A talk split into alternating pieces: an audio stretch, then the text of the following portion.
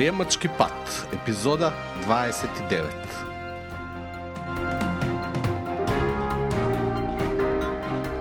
Здраво и голем поздрав до сите слушатели на Предприемачки пат, подкаст на предприемач.ком, чија цел е да ви помогне во креирање на ваш собствен и уникатен предприемачки пат. А во оваа епизода ќе зборуваме за ефективно менаџирање на времето.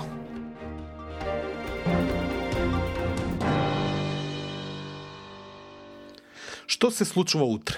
Ајде, запрете за момент и размислете го утрешниот ден за вас како еден предприемач. Дали утрешниот ден ви е веќе испланиран? Што се треба да завршите за утре? Дали утре едноставно е вашиот најзафатен ден во целата недела? Зошто утрешниот ден скоро секогаш ни е најзафатен за целата недела? Наистина тешко прашање, но дали ви се случило да кажувате на луѓето нешто како неме утре, има многу обврски или не знам, утре има многу важна работа, нема да можеме да се видиме, ајде, нека бидне зад утре. За утре ми се ми е се испланирано да оставиме за некој следен ден. Забележувате дека а, денес кога мислиме за утре, веќе во старт сме полни со страв дали ќе успееме се да завршиме што сакаме да завршиме. Листата е долга, нели? Сега, како причина за една ваква ситуација можеме да наведеме стотини, но не, нема да одам со оваа епизода во специфични причини, едноставно поради фактот што сметам дека на таков начин не може да се реши основниот проблем со што ќе се успее во однос на ефективно менаджирање на вашето предприемачко време.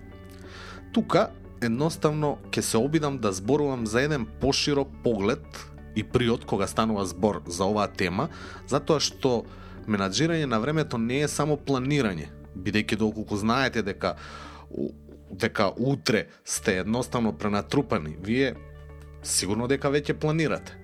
А сепак чувствувате дека не го менаџирате доволно добро вашето време. Средување на вашето работно обкружување со цел да заштедите време не е доволно да кажете дека успевате ефективно да го менаџирате времето.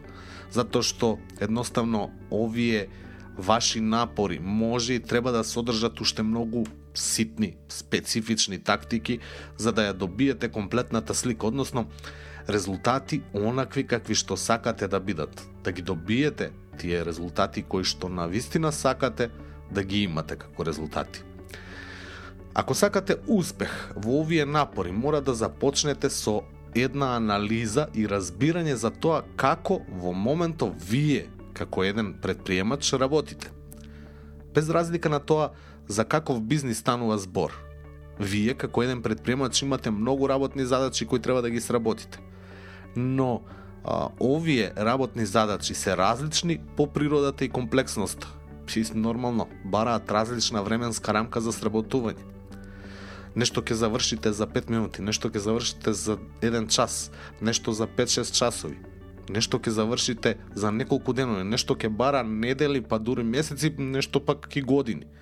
Например, вашите работни задачи може да бидат подготовка на бизнис план, работа на редизајн на бизнис моделот, не знам, може да имате работна задача и иновација во производи или процеси, планирање на лансирање на нов производ и така натаму. Значи ова се некои задачи кои што вие како еден предприемач би требало да ги имате без разлика дали станува збор за малопродажен бизнис, за а, не знам, производствена компанија, за а, трговија на големо, не знам, за услужен сектор или било што друго. Значи секогаш ќе има вакви задачи, затоа што на пример иновација ќе имате како потреба во било кој бизнис, без разлика за каков вид на бизнис станува збор. И сето тоа не е една или на друга листа тие таквите активности, односно задачи кои треба да се сработат и кои а, полека, но сигурно ве притискаат. Тие се таму, постојат. На некој начин стигнале до тие листи. Значи, изборував за одредени листи во една од предходните епизоди на предприемачки пат. Сега, а, да не навлегувам во стотици или пак илјадници идеи кои ги имате, и кои постојано се одложуваат за утре, следна недела, следен месец, следна година. И никогаш. Например, имате пет идеи денес. Утре доаѓаат уште една. Задутре немате ништо. Потоа пак имате нови идеи, нови идеи, нови идеи. Некои застаруваат, веќе нема ни да се применуваат, но секогаш ќе имате еден полн, а, како да го наречам, базен со бизнис идеи односно идеи кои што треба да се имплементираат. Од друга страна, голема е веројатноста дека повеќето од тие работи кои ви стојат на листата за сработување се преклопуваат, доаѓаат на ред во ист ден, иста недела, не знам, со некои други активности кои што исто така се важни. Прашањето е колку вие како еден индивидуалец можете да го поднесете товарот на вашата предприемачка работа. Ова прашање е едно од клучните прашања кои ќе ја дефинираат вашата ефективност. Затоа е важно да ги категоризирате вашите задачи со цел да создадете една подобра слика на целината и подобро нормално да ги менаџирате. Кога станува збор за предприемачки задачи, генерално, јас ги класифицирам на следниве групи. Значи, прва група на ваши задачи како предприемач се задачи кои се однесуваат на креативноста и идеизација. Секој бизнис, ама баш секој бизнис има потреба од нови, свежи идеи така наречени големи идеи, кои всушност ќе доведат до иновации и подобрување како во однос на производите и услугите кои што ги нудите на пазарот, така и во однос на процесите и бизнис моделот на вашата компанија. Иако многуми на ова не го стават како посебна категорија. Јас едноставно секогаш ги потенцирам имајќи ја во предвид важноста на овие задачи во однос на зголемување на бизнис потенцијалната енергија на вашата компанија. Сега, ако размислиме малку по-детално. Држи вода и тоа што често пати не се издвојуваат како посебна група, бидејќи едноставно тешко може да се менаџира времето во кое ќе се изредуваат овие активности. Кога ќе бидете покреативен, не се менаџира, само се помага во процесот. И затоа не можете да кажете дека утре од 9 до 12 часот ќе бидам креативен и ќе работам на брейнстормирање на бизнис идеи или идеи за подобрување. Но, можете да кажете дека утре ќе имам брейнсторминг сесија со моите соработници со цел генерирање на идеи за нешто. Затоа е подобро да имате една ваква група на работни задачи. Втората група на задачи кои вие како предприемач ги изведувате спаѓаат во групата на планирање. Овие задачи представуваат предходница на сите останати задачи, кои што нормално треба да ги имплементирате освен подготовка на бизнис план и вашите лични планови, тука може да, да бидат и определени истражувања, анализи, не знам, тестирања, може би консултации, се она што на некој начин ќе возможи да имате една листа на задачи која ќе бара имплементација. Значи, креативност и идеизација водат кон планирање, кое пак несомнено треба да води кон следната група на работни задачи, а тоа е имплементација оваа група на задачи едноставно представува завршување на односно сработување на задачите. Сега тука нема да навлегуваме што се содржи имплементација, веројатно знаете. Кога работите, знаете што работите, а тоа е имплементирање на она што сте го планирали. За успех на сработеното мора да постои еден вид на следење и контролирање на она што се имплементира. Ова е четвртата група на задачи за вас како еден предприемач. Без разлика дали станува збор, не знам, за следење и контролирање на вашата индивидуална работа или пак на работата на вашите вработени. Оваа категорија на работни задачи обезбедува дека планираното ќе биде имплементирано, не било како, туку онака како што било испланирано. И секако, како последна група на работни задачи е категорија за комуницирање Оваа категорија е постојана и затоа постојано се преклопува со сите останати категории кои ги споменав тука. Но сепак е суштествена категорија која возможува соработка на соодветно ниво и а, подобрување на резултатите од сите останати а, работни задачи. И сега, добро, ги имате овие категории на задачи, веројатно си го поставувате прашањето што понатаму. Прво, секоја од овие категории има соодветна цел која треба да се постигне. Едноставно, ако имате крај се лист на хартија и пенкало, наведете ги веднаш и генералните цели на секој од категории на задачите. Зошто? Затоа што најголемиот проблем кој го имам забележано кај предприемачите кога се обидуваат да имплементираат ефективно менаџирање на времето или систем за ефективно менаџирање на времето е да збутаат, односно да стават колку што можат повеќе задачи во пократок временски период.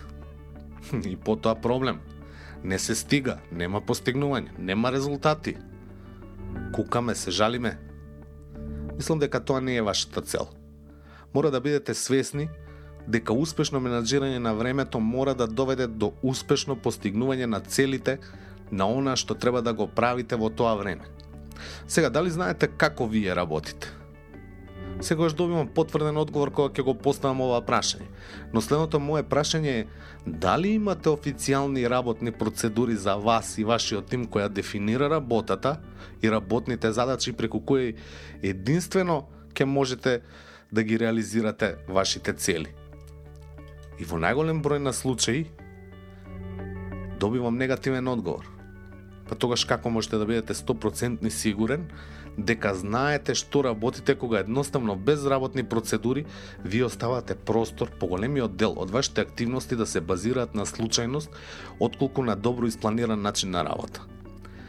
Успешните предприемачи според моите проценки успеваат околу 80% запомнете 80% од нивното време за работа да го базираат на прецизно дефинирана агенда или план, а само 20% на случајности. Едноставно, случајностите не сакаме да ги избегнеме. Не, не, не сакаме и не можеме да ги избегнеме. Од една страна, тие се потребни, бидејќи тие генерираат креативност и можност за проширување на хоризонтот на видик на еден предприемач. Но од друга страна, доколку не се контролирани, може да генерираат големи проблеми, особено за вас како предприемача потоа тие проблеми да се префрлат и на вашиот бизнис, односно вашата компанија. Едноставно, мора да знаете како го трошите во моментов вашето работно време. Доколку имате работни процедури, сигурно имате и работни налози и следење на продуктивноста на изведување на работата во вашата компанија. Но, доколку немате, мора да ја анализирате работата преку, не знам да кажем, едно неделно пополнување на листа на потрошено време за работа, односно работно време. Така ќе ги имате сите активности кои сте ги сработили и за колку време сите тие активности биле сработени од ваша страна. Доколку, не знам, користите некои од пософистицирани алатки за менеджирање на проекти или да направам лист, имате можност да ги разгледате сите предходни активности и да ги анализирате. На таков начин ќе успеете да бидете на чисто за тоа колку време трошите на различни ваши активности. Значи, тука ќе бидат прво планирани активности за постигнување на целите. Значи, она што сте го испланирали, што на вистина требало да го имплементирате, односно да го работите. Потоа, не знам, планирани активности кои едноставно не придонесуваат за реализација на целите. Не мора да значи дека се она што сте го испланирале или се она што е влезено во вашите а, работни процедури е и најдоброто за реализација на целите. Кога ќе го анализирате вашето време и се она што го работите, можете да забележите дека имате некои активности кои едноставно не заслужува да бидат тука. И тие исто така ќе представуваат одреден вид на расфрлање, односно отпадоци. Потоа имате а, активности кои спаѓаат во групата на случајности кои доведуваат или подобро кажано придонесуваат за постигнување на целите. Значи исто така сакам да потенцирам тука дека случајности не секогаш се лоши за вашиот бизнис, како што и претходно кажав. Значи тие постојат и некои случајности, односно активности кои што не се планирали, не се во вашите работни процедури, се случуваат онака по случајен избор, неконтролирано, а даваат допринос во реализација на вашите цели. Што тие такви случајности треба да станат стандард. Понатаму, имаме случајности кои едноставно представуваат отпадоци, ѓубре кое мора да се елиминира.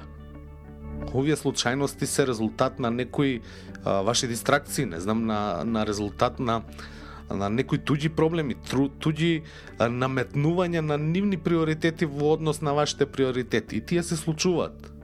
Значи, и овие се а, некои активности кои што исто така ќе треба да се а, избегнуваат. Со една ваква анализа, едноставно, ќе можете во голем дел да се спасите од оние отпадоци на времето кои ви го трошат времето, а не придонесуваат до за реализација на целите.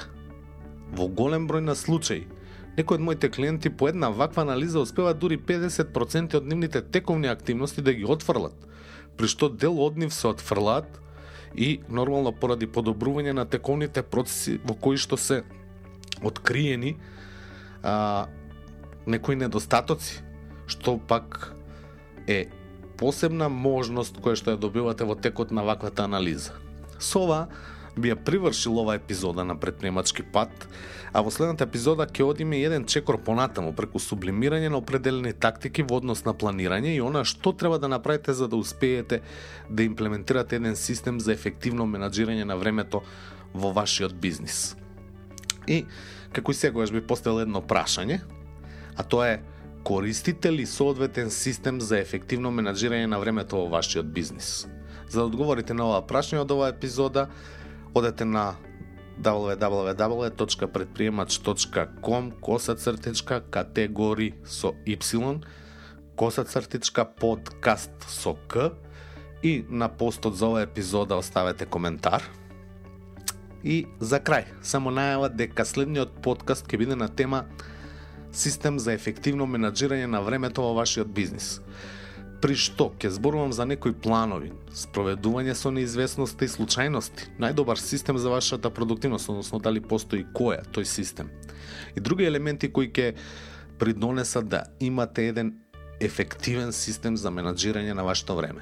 Доколку имате прашања за оваа следна тема, можете да оставите гласовна порака на www.предприемач.com коса цртичка подкаст со Ц цртичка прасанја. И тоа е тоа за оваа епизода на предприемачки пат. Се надевам дека барем малку помогнавме во расветлување на тој ваш пат. Исто така, би бил благодарен доколку го оцените овој подкаст на iTunes, така ќе помогнете истиот да биде видлив за други луѓе. Доколку веќе сте го сториле тоа на вистина ви благодарам. Прекрасни сте. И се до следната епизода. Запомнете, Вие сте креатор на вашиот предприемачки пат, се е во ваши раце. Голем поздрав и довидување.